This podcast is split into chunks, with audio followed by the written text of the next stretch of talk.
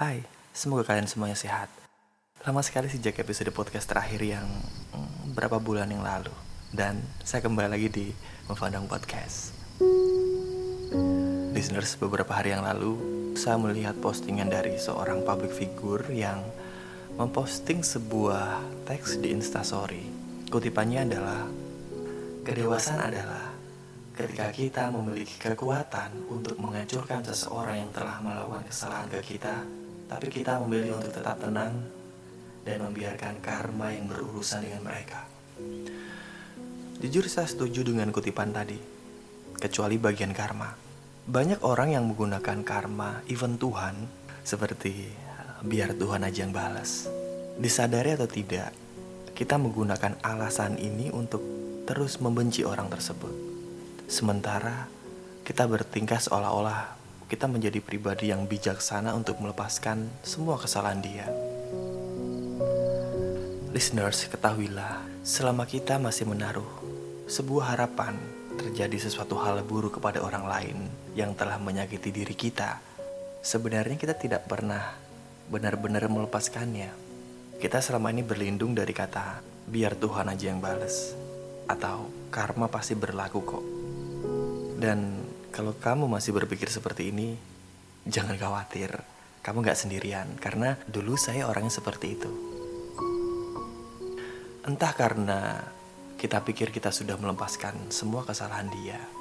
Entah karena kita tidak ingin membuat masalah lagi dengan orang itu. Atau karena kita tidak memiliki kemampuan untuk membalas perbuatan jahat mereka.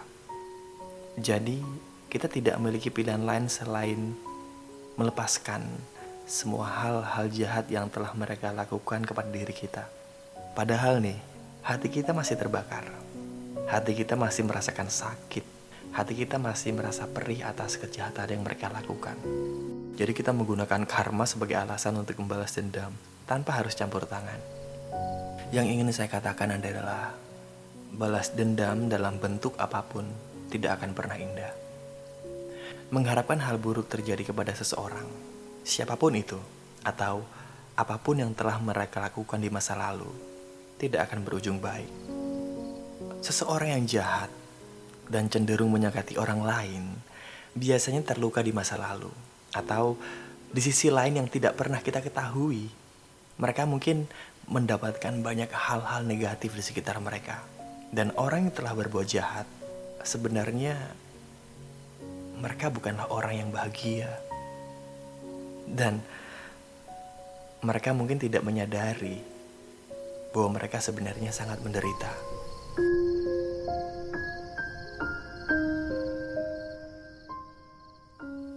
Jika kita perhatikan, orang yang benar-benar bahagia dan damai tidak akan membuat masalah, tidak akan menyinggung, atau bahkan menyakiti orang lain. Kenapa? Karena seseorang yang dipenuhi oleh energi positif selalu memberikan hal-hal positif kepada orang lain. Karena cuma itu yang mereka punya. Sebaliknya, orang yang penuh dengan hal-hal negatif akan selalu memberikan hal-hal negatif karena hanya itu yang mereka miliki. Jadi, orang yang menyakiti kita saat itu mungkin memiliki banyak hal negatif di sekitarnya. Jadi, kenapa sih kita harus berharap terjadi sesuatu yang buruk pada diri mereka? Kenapa kita tidak mencoba untuk belajar berdoa agar mereka mendapatkan kehidupan yang lebih baik? Mereka mendapatkan lebih banyak hal positif, sehingga akhirnya mereka tidak lagi melakukan hal negatif. Saya tahu bahwa sangat sulit untuk berdoa agar seseorang yang telah menyakiti kita menjadi bahagia. Saya tahu sangat sulit, saya tahu akan berat. Saya tahu sekali, karena saya juga manusia. Saya merasakan kesal, saya merasa marah. Bahkan ada saat-saat di mana saya ingin sekali mereka merasakan sebuah penderitaan. Karena saya pernah merasa tersinggung dengan apa yang telah mereka lakukan. Saya ingin mereka merasakan apa yang saya rasakan. Ironisnya nih, saya bertindak dan berpikir bahwa saya lebih bahagia dari mereka dan saya bahkan gak pernah menyadari alasan kenapa saya mengharapkan mereka menderita. Saya telah belajar banyak hal dan masih akan terus belajar. Saya harap kalian juga seperti itu. Awalnya saya nggak pernah bisa berdoa untuk mereka. Langkah pertama yang saya lakukan adalah tidak berharap terjadi hal buruk pada diri mereka. Saya tidak mengharapkan mereka mengalami hal yang baik, tapi setidaknya saya tidak mengharapkan mereka mengalami hal-hal yang buruk. Kalian pun seperti itu. Selama kalian belajar, kalian akan mengambil langkah lain di mana kalian akhirnya bisa mendoakan mereka. Saya lebih percaya kepada sebuah prinsip siapa yang menabur dia menuai. Dan bagi sebagian orang yang mungkin tidak percaya keduanya, mungkin mereka masih mengerti tentang sebuah konsep sebab dan akibat. Listeners, lihatlah ini sebagai sebuah taman. Setiap orang memiliki tamannya masing-masing. Taman ini yang kita sebut dengan kehidupan. Di taman ini, kita bisa menanam segala macam jenis benih.